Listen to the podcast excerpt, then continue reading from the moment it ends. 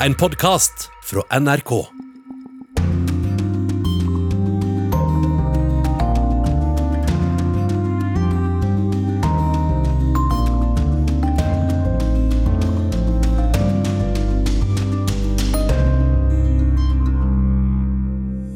I hope today's Nobel Peace Prize 2021 award will remind the authorities in the Philippines, Russia, around the world of the need to respect journalists and journalism. Nobelprisvinner Maria Ressa håper Nobels fredsprisen vil gjøre en forskjell, men er det egentlig realistisk? I Nord-Irland nekter den nordirske selvstyreregjeringen å iverksette abortloven som ble innført for to år siden. Abortmotstanderne fortsetter å kjempe sin sak. Abortion is a violent destruction of an innocent member of the human family. An unborn child should be protected. Ukas korrespondentbrev er postlagt i byen som tidligere aldri sov, og som nå begynner å våkne etter pandemien. New Yorks pulserende rytme kan merkes og høres igjen. Familier strekker seg i parkene. Kafeene har satt opp bord der biler tidligere stampet. Du får også neste episode i vår podkastserie om 11. september. Velkommen til Urix på lørdag. Jeg heter Anja Strøm. The Norwegian Nobel Committee has decided to award the Nobel Peace Prize for 2021 to Maria Ressa and Dmitry Muratov for their efforts to safeguard freedom of expression, which is a precondition for democracy and lasting peace. En fri presse er grunnlaget for et demokrati og fred, sa Berit Reiss-Andersen, leder av Nobelkomiteen, da hun kunngjorde årets Nobels fredspris, at den går til filippinske journalisten og grunnleggeren av nettstedet Rappler, Maria Ressa, og Dmitrij Muratov, grunnlegger av den uavhengige russiske avisen Novaja Gazeta. To journalister i områder av verden med særdeles krevende kår for fri presse. Spørsmålet er så hva denne tildelingen vil ha å si for pressefrihet og fred. Jeg har med meg både vår nåværende og tidligere korrespondent i Moskva, som kjenner forholdene godt i landet som altså ligger nærmest oss som vi skal konsentrere oss om. Og jeg begynner med deg fra Moskva, Jan Espen Kruse. Hva er reaksjonene i russiske medier i dag? Ja, Det er fortsatt bred omtale av selve tildelingen av eh, Nobels eh, fredspris. Eh, russiske medier understreker at det er den første fredsprisen i, det nye Russland, altså etter at Sovjetunionen gikk i oppløsning i 1991. Det, det framstilles som at dette er en generell støtte til journalisters arbeid. Men de russiske mediene de har jo et dilemma med det at de ikke helt kan forklare hvem det er som står bak undertrykkelsen av uavhengige medier i, i Russland. Siden det jo er myndighetene som hovedsakelig står bak denne undertrykkelsen, så, så kan ikke russiske statlige medier i hvert fall fokusere på det. Og, og noen russiske mediepersonligheter de, de, sier at denne fredsprisen har et litt frynsete rykte, så noen forsøker å, å dempe betydningen av det. Men i, det store og det hele så blir det omtalt selve tildelingen, altså. Ja, Vi så jo at du står utenfor avisen til Muratov etter at prisen ble kunngjort i går. Og så tok det litt tid før russiske presse innfant seg. Ventet de rett og slett for en slags godkjenning fra myndighetene? Ja, Det blir jo litt spekulasjon, det her, men, men, jeg la jo merke til at det var utenlandske medier som var raskt på plass utenfor redaksjonslokalet til Nova Gazeta. De statlige mediene kom mye senere, så det kan godt tenkes at de ventet på et slags klarsignal. For dette var jo en kinkig tildeling, en kinkig sak for russiske myndigheter. Har Putin sagt noe? Eh, hans talsmann eh, var ute og gratulerte og sa at Moratov er en eh, modig person som har stått på sine idealer i veldig mange år. Men presidentens pressetjeneste sier også ifølge russiske medier at det er uklart om presidenten selv kommer til personlig å gratulere Moratov. Og Det sier jo ganske mye om situasjonen. og akkurat på, på, morgenkvisten i dag så var det faktisk eh, USAs president eh, Bidens eh, hylleste av eh, prisvinnerne som eh, var et sentralt tema i, i russiske medier, ikke, ikke hva den eh, russiske presidenten kunne ha sagt. Ja, du møtte jo Muratov da han også møtte pressen etter noen timer. Hadde han noe håp om at prisen skulle føre til at det ble noe bedre eller verre? For jeg hørte du stilte det spørsmålet, men det var mye folk der. For pressen i opposisjonen? Altså, Han var jo veldig uklar i eh, svaret sitt på det spørsmålet der. Han, han sa at, eh, slett, at vi, vi, må vente og se. Så han eh, hadde ikke noe klar prognose selv. Men altså, Novaja Gazeta er jo den siste større avisa som russiske myndigheter ikke har satt i verk spesielle tiltak mot.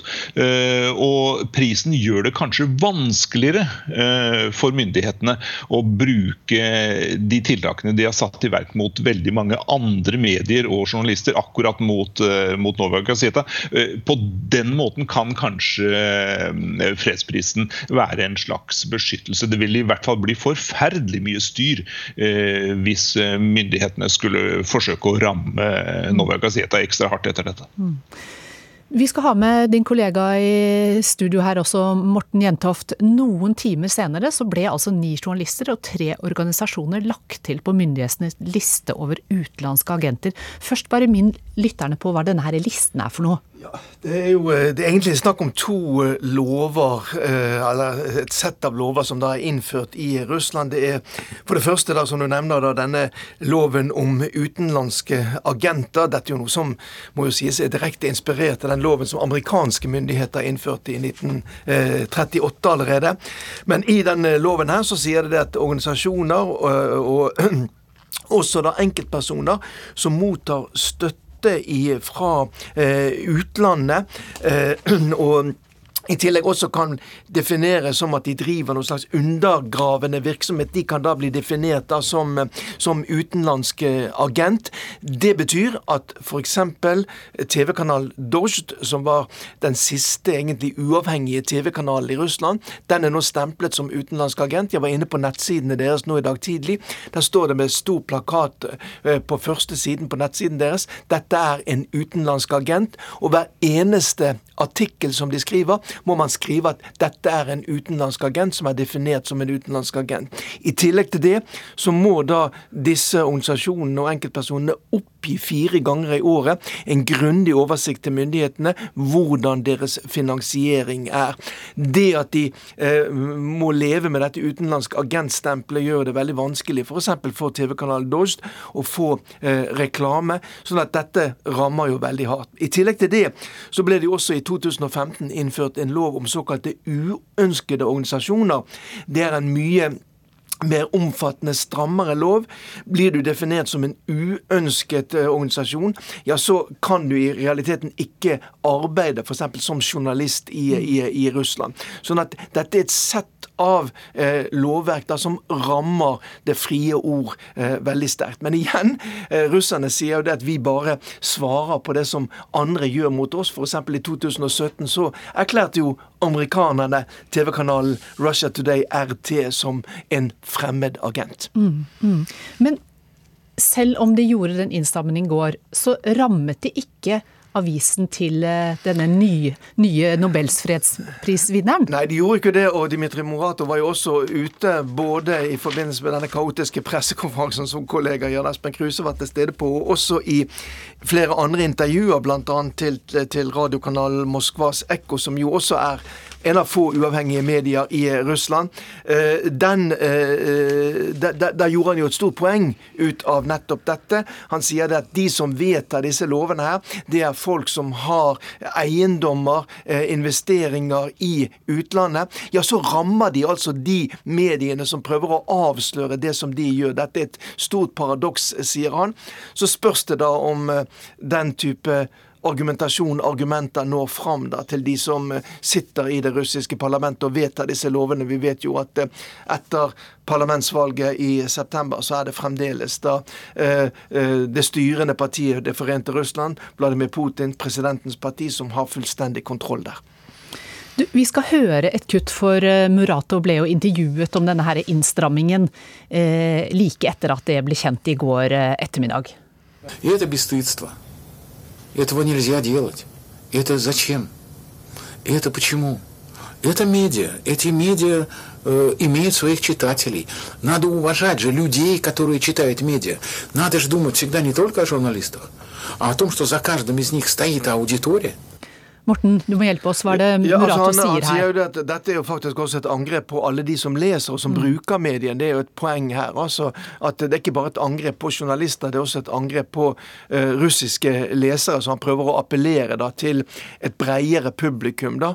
Og jeg tror nok det at nettopp denne saken her, altså de innstrammingene som har vært gjort, uh, uh, denne utenlandske agentloven, uønsket organisasjonsloven, det kommer kanskje noe til å være det som kommer til å være mest fokus fram mot selve tildelingen da, av, av, av fredspris. Men det er jo ingenting da som tyder på noe bevegelse her eh, hos eh, russiske myndigheter.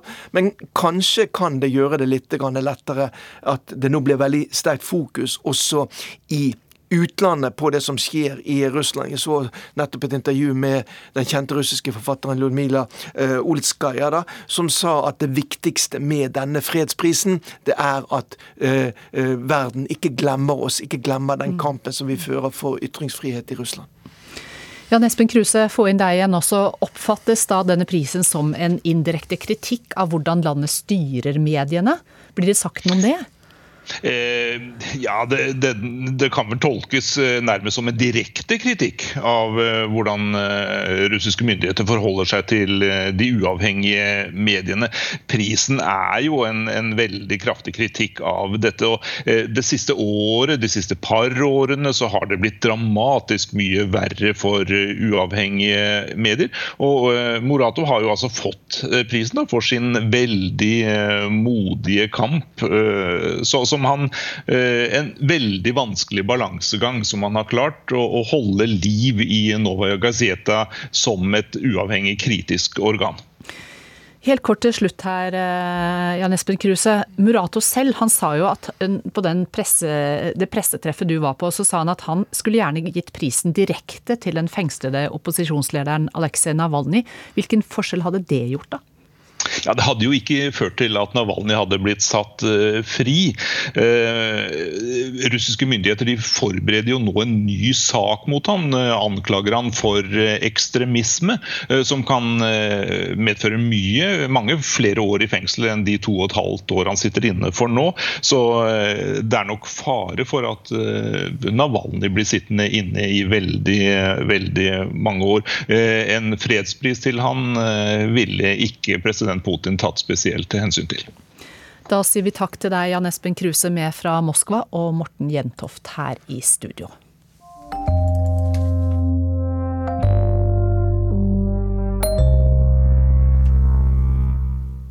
Nord-Irland har hatt veldig mye strengere abortlovgivning enn resten av Storbritannia. Kun der mors liv har vært i fare, har abort vært lov. Og for to år siden så endret den britiske regjeringen i Westminster abortloven, og tillot selvbestemt abort også i Nord-Irland. Men den nordirske selvstyreregjeringen de nekter å iverksette denne loven. Abortion is a violent destruction of an innocent member of the human family. An unborn child should be protected. Abort er drap, mener Bernadette Smith. Hun står utenfor et helsesenter i sentrum av Belfast sammen med fem andre kvinner med store plakater. Ufødte babyer blir drept her inne, står det på den ene av dem. En annen viser et fosters utvikling gjennom svangerskapet. En av kvinnene stiller seg rett foran inngangsdøren, lukker øynene og mumler en lydløs bønn for de ufødte. In 2021 to take the lives of innocent unborn children. Det er ingen grunn til at ufødte barn skal aborteres i 2021, mener Bernadette Smith. Hun leder organisasjonen Precious Life, som står bak de jevnlige demonstrasjonene utenfor helsesenteret, og som kjemper imot den nye abortloven i Nord-Irland, den som tillater selvbestemt abort.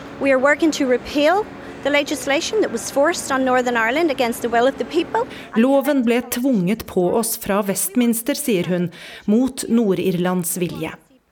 Underhuset i Westminster vedtok loven i 2019, da det hersket politisk kaos i det selvstyrte Nord-Irland. Men den nåværende førsteministeren og partiet hans, det demokratiske unionistpartiet DUP, nekter å iverksette loven. To år etter at den trådte i kraft, er det fremdeles ikke mulig for gravide i Nord-Irland å få de aborttjenestene de har lovlig krav på. Det opprører aborttilhengeren Naomi Connor. Deeply, deeply um, I feel concerned um, about those women det er dypt frustrerende, og jeg er bekymret for kvinnene som ikke får den hjelpen de trenger, sier aktivisten. Hun ble engasjert i abortsaken da hun selv måtte reise til England for å ta abort. I Nord-Irland ble hun møtt av anti-abortaktivister som Bernadette Smith, som kastet stygge kommentarer etter henne da hun søkte råd på et helsesenter. Stigmatiseringen er noe av det verste.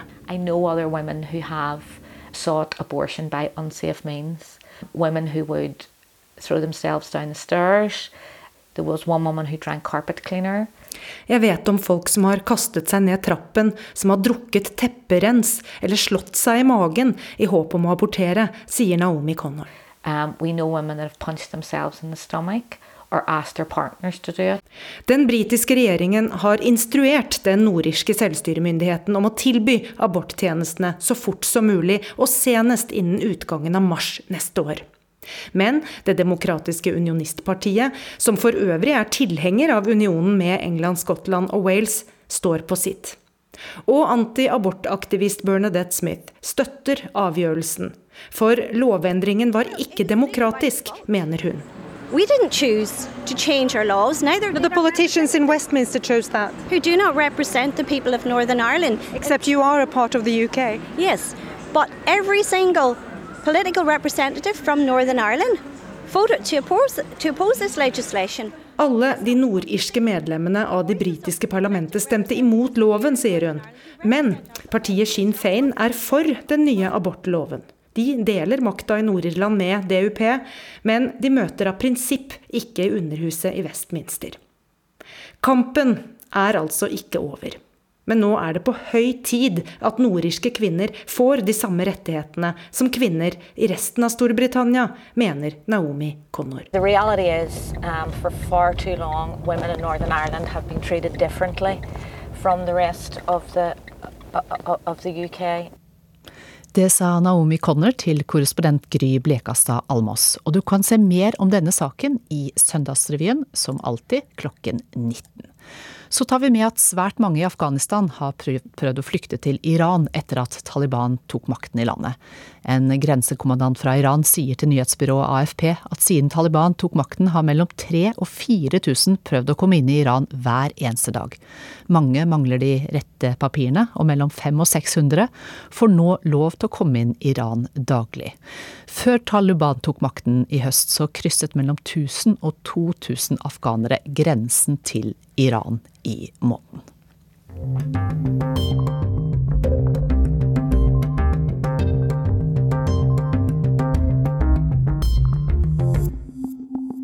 Neste måned så åpner USA for vaksinerte nord nordmenn, altså turister igjen.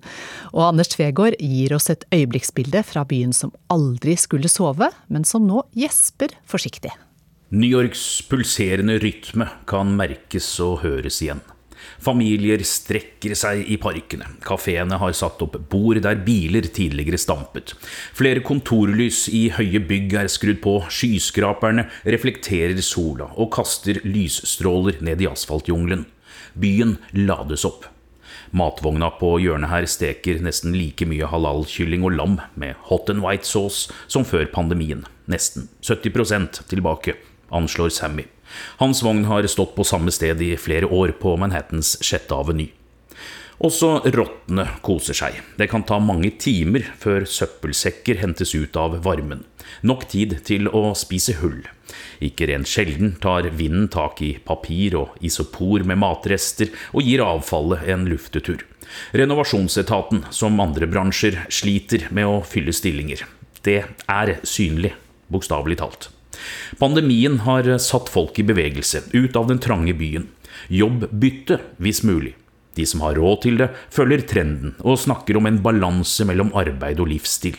Det hørte vi ikke så mye om før koronaviruset. Halvannet år med pandemi har gjort noe med denne vakre, inspirerende, kreative, frustrerende metropolen.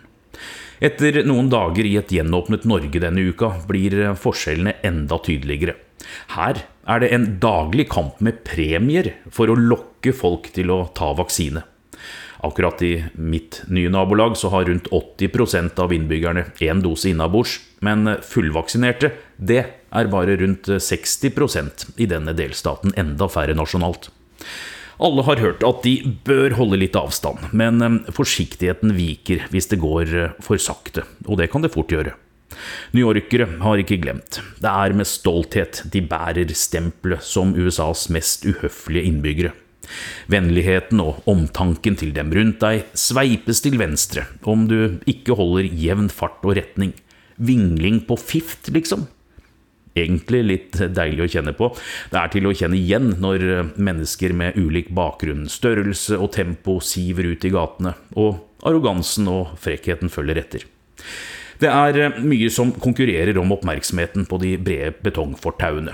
Boblende latter, klirring i glass. Improviserte suvenirbord, de ikoniske hotdog-vognene, store vanndammer fra forrige uvær i gatekryssene, en gjennomsvett jogger som later som du er luft, en gruppe som står stille og stirrer opp på ingenting, lenge nok til at også andre stanser for å se opp på ingenting. Kelnere som sjonglerer mellom gjester og pleksiglass, fotgjengere bøyd over mobilen og sykkelbud uten bremser, men med signalhorn. Uteserveringene har spist seg inn på veibanen. Trafikken er snevret inn, men tut blir ikke kortere av den grunn. Milevis med arealer og gater er frigjort på Manhattan under pandemien. Asfalten blir slukt av benker, blomster, kunst og lekeplasser. Hver uke så stenges nye kvartaler eller veistumper midlertidig, slik at folk kan komme seg ut av leilighetene og bli bedre kjent med nabolaget. Der jeg bor, er gata stengt i begge ender i deler av skoletida, slik at barna har et sted å boltre seg på, et eh, pusterom i friminuttene. Dette er en bedre kulisse enn samme tid i fjor. Da lå det meste nede. Hjemmekontor og innreiseforbud gjorde byens slitne og uheldige mer synlige og sårbare. Tomme gater og tunge sinn. Fortsatt er det munnbind overalt. Utesteder er pålagt å sjekke om du er vaksinert om du vil inn. Ja, noen benytter det også til å sortere klientellet, tror jeg. For jeg tok en uh, tur langs promenaden på Manhattans vestbredd en 26 grader varm ettermiddag.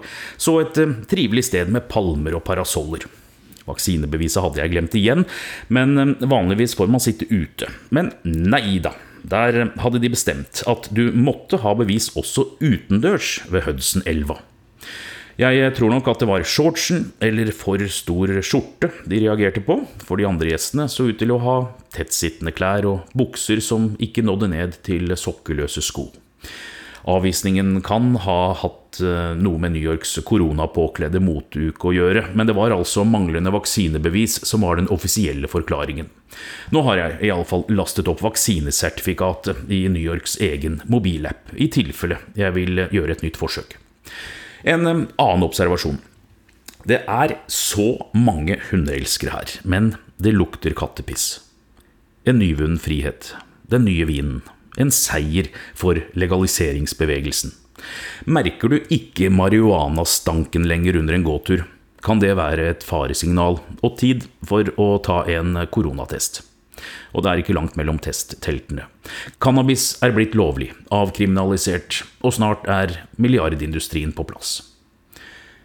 Samme uke som to modige journalister er tildelt fredsprisen, feirer Høyre-fyrtårnet Fox seg selv og sine 25 år på lufta. Jeg er spent på om det blir mer fest. For president Joe Biden har proklamert at nordmenn og skandinaver i USA også i år, i dag, skal feires for hva vikingen Leif Eiriksson gjorde for 1000 år siden. Steg i land på amerikansk jord som trolig første europeer. Merkedagen Life Eriksson Day ses på som et slags startskudd for den organiserte utvandringen fra Norge. Så start spreading the news.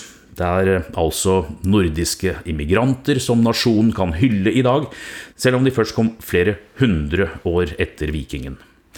Det skulle gjerne vært eh, flere timer i døgnet akkurat nå. Jeg får eh, stikke ut en tur og sjekke rytmen. Om det er en sti å gå på, finner vi den. Og fins den ikke, så gjør vi som newyorkere flest. Vi lager en. God helg. Det sa korrespondent i New York for tiden Anders Tvegård, som tydeligvis koste seg i byen som åpner opp igjen. Og også stillehavsøya Fiji åpner for fullvaksinerte turister igjen. Målet om at 80% av innbyggerne skal være vaksinert er nådd, opplyser myndighetene. Fiji er avhengig av turister. Turistnæringen står for 40% av økonomien i landet.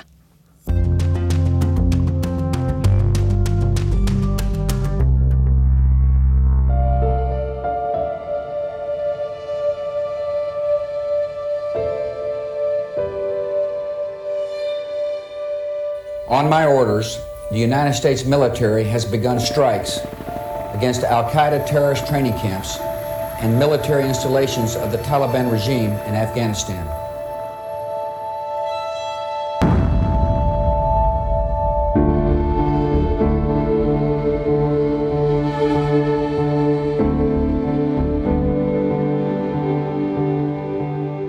Bare drøyt tre uker etter at USA ble angrepet, gikk de til krig i Afghanistan. Målet var å finne og straffe dem som hadde planlagt terrorangrepene 11.9. Snart ble også norske soldater sendt i krigen mot terror. Midt i fjellene i Afghanistan, i en landsby langt unna allfarvei, der lå det et utklipp fra National Geographic over Manhattan med tvillingtårnene og alt. Krigen i Afghanistan varte lenger enn noen hadde forestilt seg. Hva var det egentlig som skjedde? Dette er Krig og fred 11. september. Jeg heter Tove Bjørgaas. Femte episode 20 år i krig mot terror.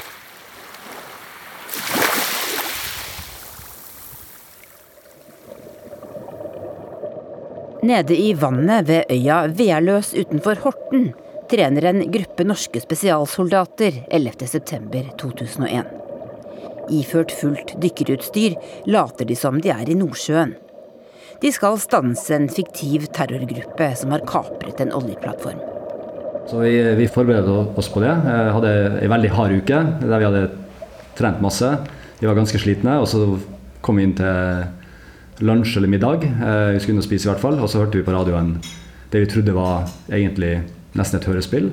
Eh, men det var da hadde det første flyet truffet tårnet, og vi fikk se det andre flyet treffe tvillingtårnene. En av soldatene er 32 år gamle Eirik Kristoffersen fra Bjerkvik. Og Vi eh, kasta i oss maten og dro tilbake igjen til, til Vea løs. Og skjønte veldig fort at, at det kommer til å få noe betydning for oss også. For det var, ble jo ganske klart eh, etterpå at det var Al Qaida som sto bak, og, og at, eh, og at eh, det, kom, det kom til å komme en respons. I dag er Eirik Kristoffersen Norges forsvarssjef. Høsten 2001 er han en spesialsoldat som tenker at han godt kan reise til Afghanistan. Jeg tenkte at den treninga vi har gjort, er jo veldig god og veldig relevant. Så hvis norske styrker blir bedt, så er jo vi klar.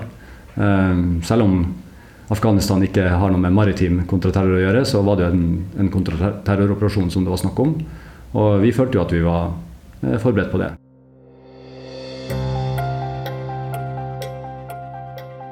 The search is underway for those who are behind these evil acts. I've directed the full resources of our intelligence and law enforcement communities to find those responsible and to bring them to justice. We will make no distinction between the terrorists who committed these acts and those who harbor them. Allerede om kvelden 11.9 er USA sikre på hvem det er som har planlagt terrorangrepet. President Bush sier USA vil jakte på både terroristene og de som har beskyttet dem. De han snakker om, er den saudiarabiske islamistlederen Osama bin Laden, som leder Al Qaida-nettverket og det islamistiske Taliban-regimet som styrer Afghanistan. De har latt Al Qaidas fremmedkrigere holde til i landet. Søkkrike Osama bin Laden har helt siden 1997 oppfordret muslimer til hellig krig mot USA. Al Qaida har de siste årene gjennomført terrorangrep mot to amerikanske ambassader i Afrika og et marinefartøy i Jemen. Men amerikansk etterretning klarte ikke å oppdage den virkelig store terrorplanen til Al Qaida før det var for sent.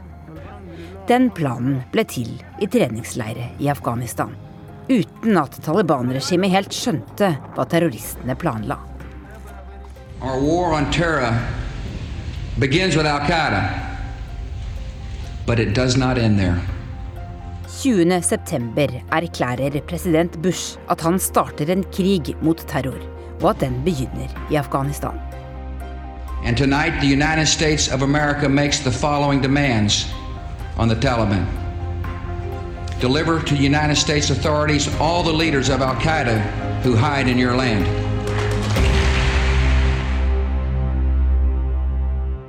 Timene, dagene og ukene etter 9-11 ble også veldig mye et spørsmål om USA-håndtering.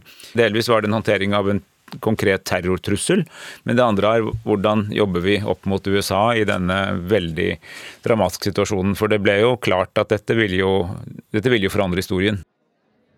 Etter terrorangrepet 11.9 tar Nato for første gang i bruk en artikkel som sier at et angrep på ett land i forsvarsalliansen er et angrep på alle. Derfor er statssekretær Espen Barth Eide i mange møter med Norges allierte i ukene etter angrepet. Norge vil gjerne støtte USA, men de er også litt urolige for hva president Bush og den ferske administrasjonen hans kommer til å gjøre. Da var det en veldig sånn følelse av at amerikanerne hadde reagert litt rart. Eh, ikke ring oss, vi ringer dere hvis vi trenger dere. Eh, dette skal ikke bli noe liksom, kollektiv operasjon, her skal USA få gjøre det USA vil. Og hvis vi trenger å ha med noen allierte, skal vi si fra om det. Så, så det var liksom en opplevelse at eh, i USAs kanskje mest dramatiske stund, slik man hadde opplevd det da, så, så, var de veldig rettet inn mot alenegang. og Det ønsket man da å forhindre. og Det jeg sier nå om Norge, det var veldig det samme som både briter og, og, og, og europeere på kontinentet og langt vei Canada og sånn også tenkte. Hva som nå enn skjer, la oss prøve å ramme det inn i en multilateral ramme. Og la oss gjøre det også både med, liksom i FN og Sikkerhetsrådet og i, i Nato.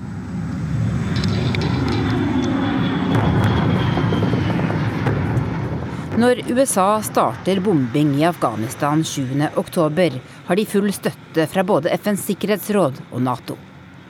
Mange land sier også at de er klare til å bidra militært.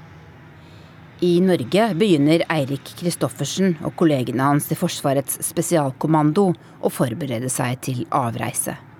Fordi vi hadde erfaring fra både fjell og, og vinter, eh, og det var jo på høsten i 2001.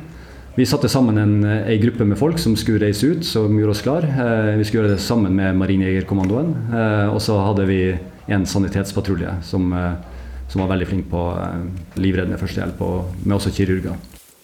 Vi begynte å trene på overvåkningsoppdrag i, i nærområdene og etter hvert rundt omkring på Østlandet. Vi pakka litt utstyr som vi mente vi trengte.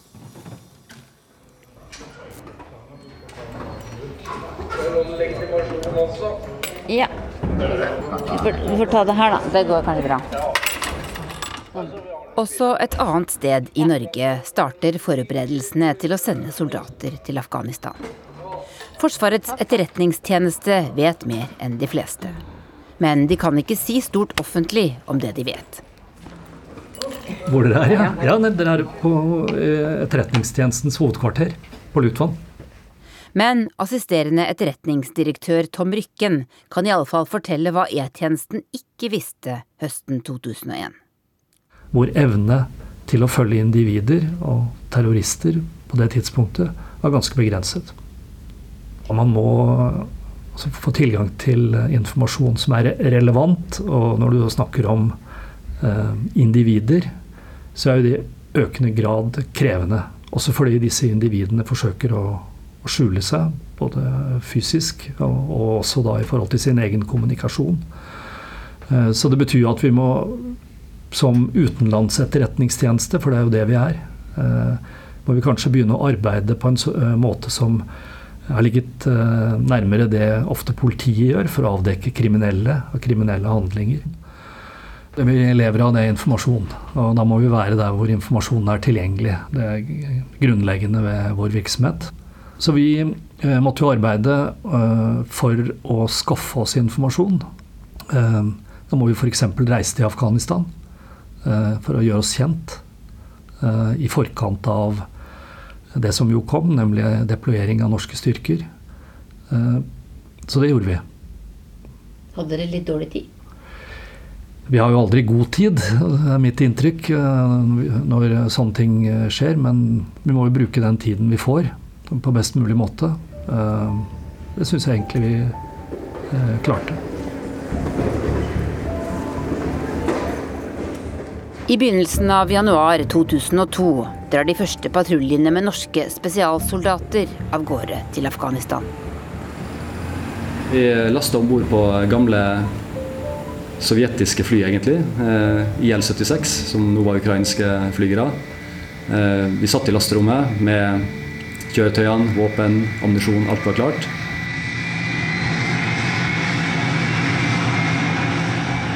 Eh, og så tok vi av fra Gardermoen en tidlig januardag Eh, med kurs mot eh, Kandahar flyplass. De som fløy flyene, hadde jo vært i Afghanistan før. Eh, så når vi begynte å nærme oss Kandahar, så sa han at han kjente seg igjen. Og kunne innflyginga til Kandahar veldig godt. Vi tok en veldig rask nedstigning mot Kandahar, nesten rett ned fordi vi frykta lufttrusselen. Og så landa vi helt greit på, på Kandahar flyplass.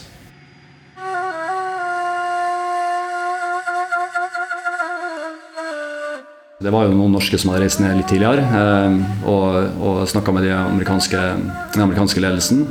Eh, vi hadde også et norsk minerydderteam på plass på Kandahar, som var det første bidraget til Operation Enduring Freedom, som det heter. Eh, så det jeg husker best, var jo at vi, vi tok med oss alt pikkpakke fra flyet. Mengde med utstyr. Og så gikk vi over flystripa til en utbomba flyplass. En ganske fin dag. Sola skinte, men det var ikke så varmt som vi hadde forventa. Og vi eh, fikk tildelt noen eh, utbomba bygg som vi skulle bo i. Eh, vi måtte rydde unna glasskår, vi måtte rydde unna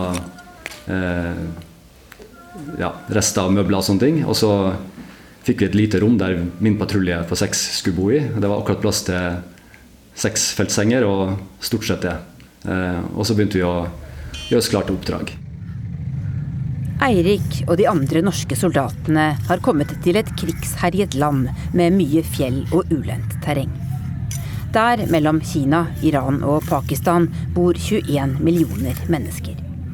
De siste fem årene har fundamentalistiske Taliban styrt Afghanistan. Det gjør at folk er delt i synet på USAs bombing. Da var det to motstridende følelser som gjorde seg gjeldende over hele landet. På den ene siden var folk vettskremte for hva amerikanerne ville finne på.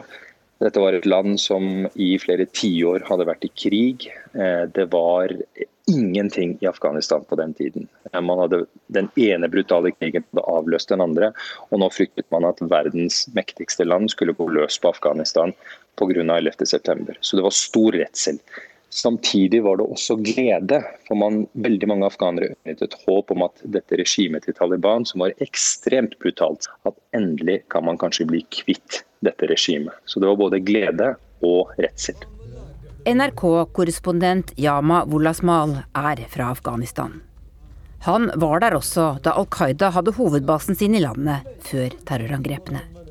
Altså Folk flest hadde veldig lite med Al Qaida å gjøre i Afghanistan. Eh, men under Talibans beskyttelse så opererte de så å si fritt.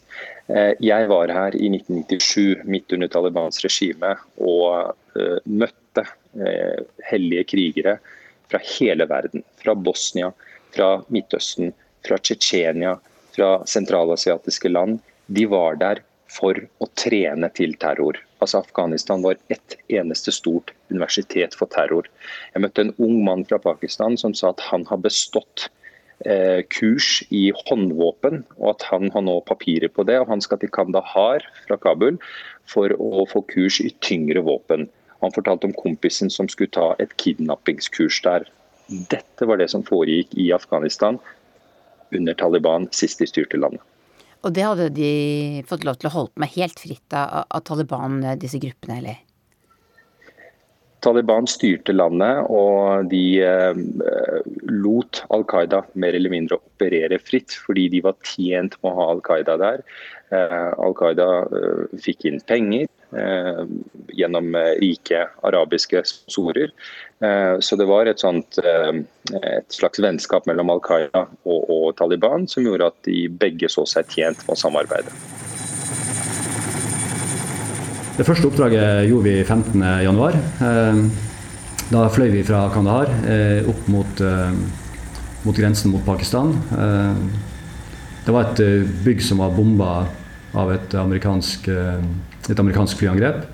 Der de mente at Al Qaida hadde tilholdssted. Så vi skulle rett og slett søke gjennom det utbomba bygget og se om det fantes bevis for angrepene mot USA 11.9.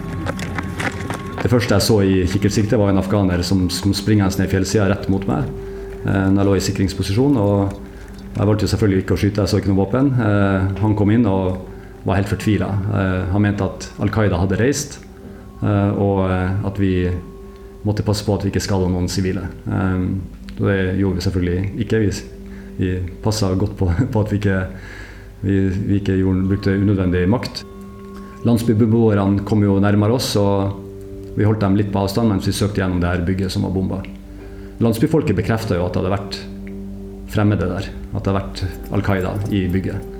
Og når vi søkte gjennom bygget, så fant vi egentlig ikke noe spesielt. Det meste var egentlig, tror jeg, samla opp av, av lokalet. Vi leter jo etter eh, sambandssystemer, vi leter etter eh, bilder, vi leter etter kart. Eh, så vi fant jo ei helt konkret ei, et, midt i fjellene i Afghanistan, i en landsby langt unna allfarvei. Der, der lå det et, utklipp fra National Geographic over Manhattan med tvillingtårnene og alt. Men utover det så var det veldig lite igjen. fordi som det, vi har opplevd i Afghanistan senere òg, de, de, lokale er overalt. Alltid. Informasjonen vi fikk, kom jo fra de, fra de lokale. Og de, de, fortalte veldig mye. De fortalte at det hadde vært folk der fra et annet land. altså fra Vi tolka det som arabere og at de hadde dratt videre i en retning de pekte på, som senere viste seg å være eh, operasjonsområdet for eh, Operasjon Anaconda, som på en måte var det siste angrepet mot, eh, mot Al Qaida i stort forbann i, i Afghanistan. I mars 2002 starter amerikanerne det de kaller Operasjon Anaconda i en dal oppe i fjellene i Afghanistan, der Al Qaida-medlemmer gjemmer seg. Eirik Kristoffersen og noen få andre norske spesialsoldater deltar. 500 opprørere blir drept, og mange blir tatt til fange og sendt bl.a. til USAs fengsel for terrormistenkte på Guantánamo-basen på Cuba. The American flag flies again over our embassy in Kabul. Terrorists who once occupied Afghanistan now occupy cells at Guantanamo Bay. I USA gir president Bush en statusoppdatering til den amerikanske kongressen om hvordan det går med krigen. Han skryter av fengselet på Cuba, selv om det har begynt å dukke opp rapporter om de torturlignende avhørsmetodene fangene i oransje kjeledresser der utsettes for. Bush sier USA kommer til å vinne krigen mot terror, takket være soldatene i Afghanistan. When I called our troops into action, I did so with complete confidence in their courage and skill. And tonight, thanks to them, we are winning the war on terror.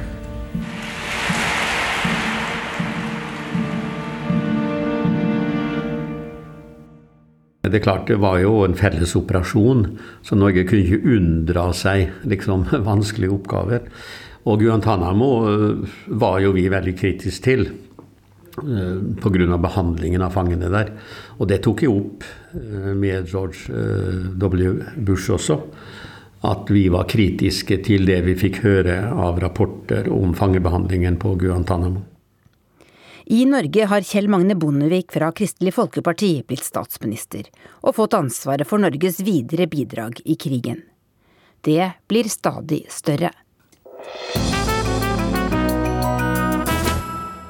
Nå i formiddag gikk fire norske jagerfly på vingene for å delta i krigen i Afghanistan. Presis klokken 11.15 lette tre av F-16 jagerflyene som skal delta i terrorkrigen, fra Bodø hovedflystasjon. Det vi etter hvert bidro med, var jo uh, luftstyrker. Uh, og, og, Norge sendte jo fly ned. De var sjøl med til og med å vinke uh, noen slike av gårde. Og de hadde jo base i Kirgisistan, et naboland. og så Senere bidro vi også til opplæring av politi. Kompetansebygging for politiet, som jo var veldig viktig for å holde mest mulig ro og orden. Og etter hvert også til sikkerhet og sikkerhetsstyrker og andre sikkerhetstiltak i Afghanistan. Det var de tre hovedområdene. Syns du det var vanskelig? Det er alltid vanskelig. Det er noe av det tyngste for en politisk leder å være med og først beslutte at en skal gå inn i en krig, uh, og for det annet avveininger en skal ta underveis. Hvor mange skal vi sende ut? Har jo etter hvert blitt faktisk noen tusen. Og, og, det aller vanskeligste er jo å se i øynene at det vil kunne koste norske liv. Og det gjorde det jo. Eh, det kom jo tilbake noen kister, dessverre. Og jeg var med og tok imot noen av de på, på Gardermoen som et uttrykk for regjeringas solidaritet med pårørende, etterlatte, familiene.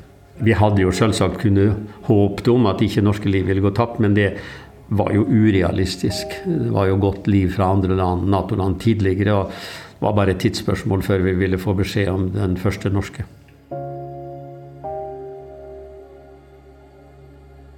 Vi følte at vi var med på noe som var viktig. Eh, etter angrepene på 11.9 så var jo fokuset i verden på Afghanistan. Det var jo opplagt at Al Qaida var en, en trussel mot verden. Eh, det var også opplagt at Taliban beskytta dem. Så vi følte at vi var med på noe veldig meningsfullt. Og, og risikoen med militære operasjoner tror jeg alle som går i uniform er klar over. At uh, det kan bety at, uh, at vi mister liv også. Eirik Kristoffersen drar stadig tilbake til Afghanistan. Han kjemper mot fremmedkrigere fra Al Qaida, men ser også at sivile afghanere lider. Vi så aldri noe sånn slutt på det her med, med å pågripe opprørsledere. Eh, fordi det vi arresterte én, så så ville jo nestemann overta. Og ofte så var jo han han var gjerne enda mer brutal. Men det betydde jo at det var, var en pågående sak som ville vare veldig lenge. Det var jo en, en av de tingene vi, vi skjønte i løpet av 2002 òg. Det var jo at det kommer til å vare lenge.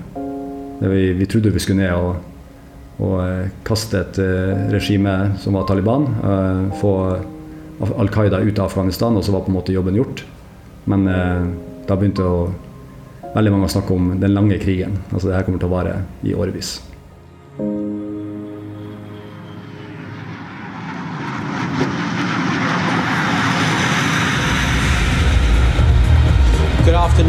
I'm John Sokol in Kuwait City. You're watching a BBC News special. The headlines. The attack on Iraq has begun. Vinteren 2003 bestemmer USA seg for å invadere Irak også. Det får raskt konsekvenser på bakken i Afghanistan. Når jeg ser tilbake igjen på Afghanistan og, og, det som skjedde i Irak i 2003, så mener jeg at det, et av de store feilgrepene var Irak. Ehm, det at, det at, vi i 2002 hadde veldig mye ressurser i Afghanistan, eh, det bildet var ikke det samme da jeg kom tilbake i 2003. Da var fokuset til veldig mange av våre allierte var på Irak. Ehm, og, eh, og vi hadde ikke i nærheten av de ressursene i Afghanistan i 2003 som vi hadde i 2002. Og jeg mener at 2003-2004 var på en måte det vinduet der vi kunne ha fått til en god løsning eh, hvis det hadde vært, eh, vært, eh, stor vilje til det, og ikke alt har vært fokusert på, på Irak. Først i 2011, ti år etter at krigen i Afghanistan startet, finner amerikanske styrker hovedmannen bak terrorangrepet 11.9. Al Qaidas leder Osama bin Laden. Han gjemmer seg i en by i Pakistan og blir drept i en skuddveksling.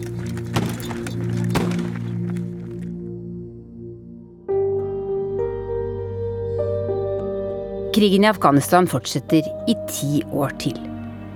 47 000 afghanske sivile og 66 000 afghanske soldater mister livet i de 20 årene den varer.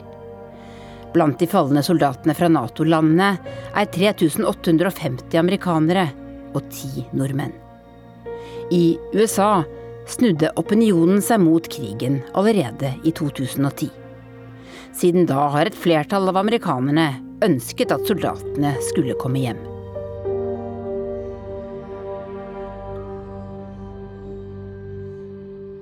The United States ended 20 years of war in Afghanistan, the longest war in American history.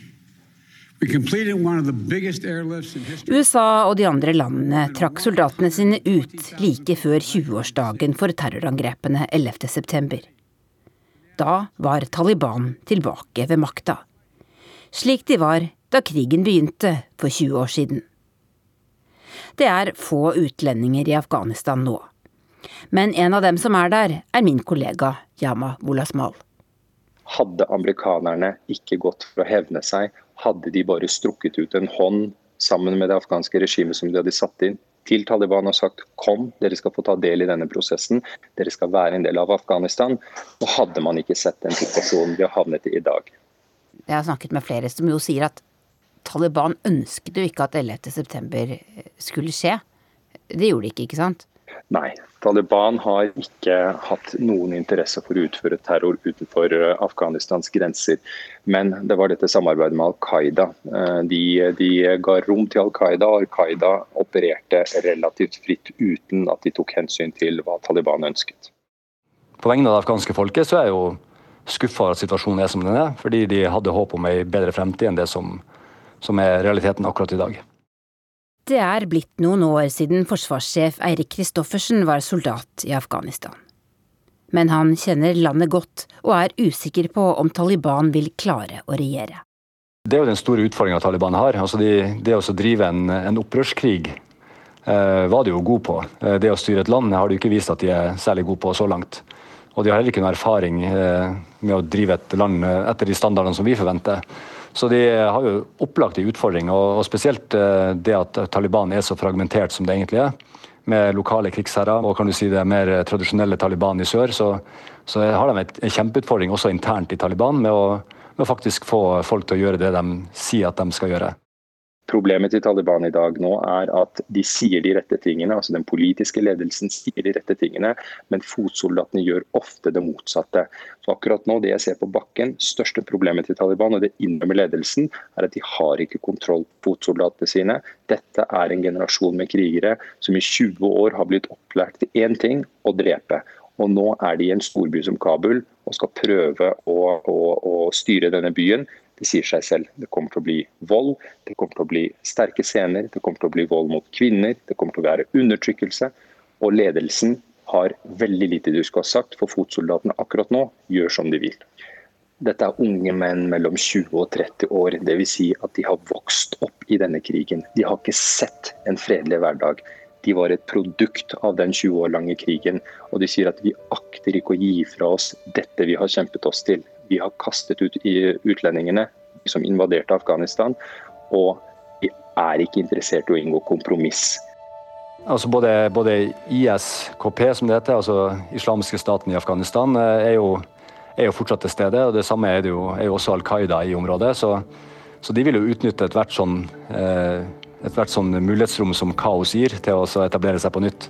Eh, så igjen så gjenstår det at Taliban faktisk gjør det de har sagt de skal gjøre, nemlig å, å bekjempe internasjonale terror, terrorgrupper i Afghanistan og ikke la dem få fotfeste på nytt igjen. 11.9 eh, var jo på mange måter en tragedie også for Taliban. Eh, de mista jo makta den gangen, og, og de har jo sett sjøl hva, hva, internasjonale terrorgrupper kan, kan, gjøre for å ødelegge sitt eget land. Så, så det er ikke i Taliban-ledelsen sin interesse å, å, ha de gruppene i landet, men det er jo et, en mulighet for, å, for at det reetableres terrorgrupper i, i Afghanistan. Det er det jo. Tom Rykken hadde jobbet i Etterretningstjenesten i nesten 40 år da han gikk av med pensjon i sommer. Halvparten av disse årene har han brukt på krigen mot terror i Afghanistan. Det har vært en, en kostbar affære for verdenssamfunnet, disse angrepene den 11. september. Hvor mye større har den norske etterretningstjenesten blitt på denne tida? Eh, I løpet av de 20 årene så, så har den jo vokst eh, og blitt eh, i hvert fall dobbelt så stor. Dette er svært krevende militære operasjoner. En vanskelig tanke. Tenke på at vi har brukt så mye ressurser på dette her. Det blir meg som person da, som, som sier dette. Ja, jeg syns det er eh, trist. Har det vært bortkasta? Det tror jeg ikke jeg skal uttale meg om.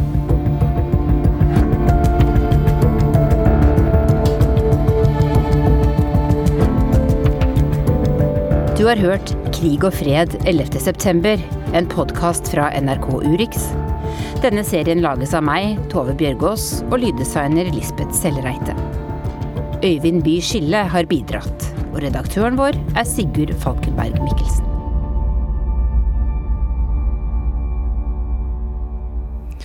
Da takker Urix på lørdag for laget. Teknisk ansvarlig for denne sendingen var Ragnhild Bjørlykke, produsent Ulf Tannesfjell, og i studio Anja Strønen.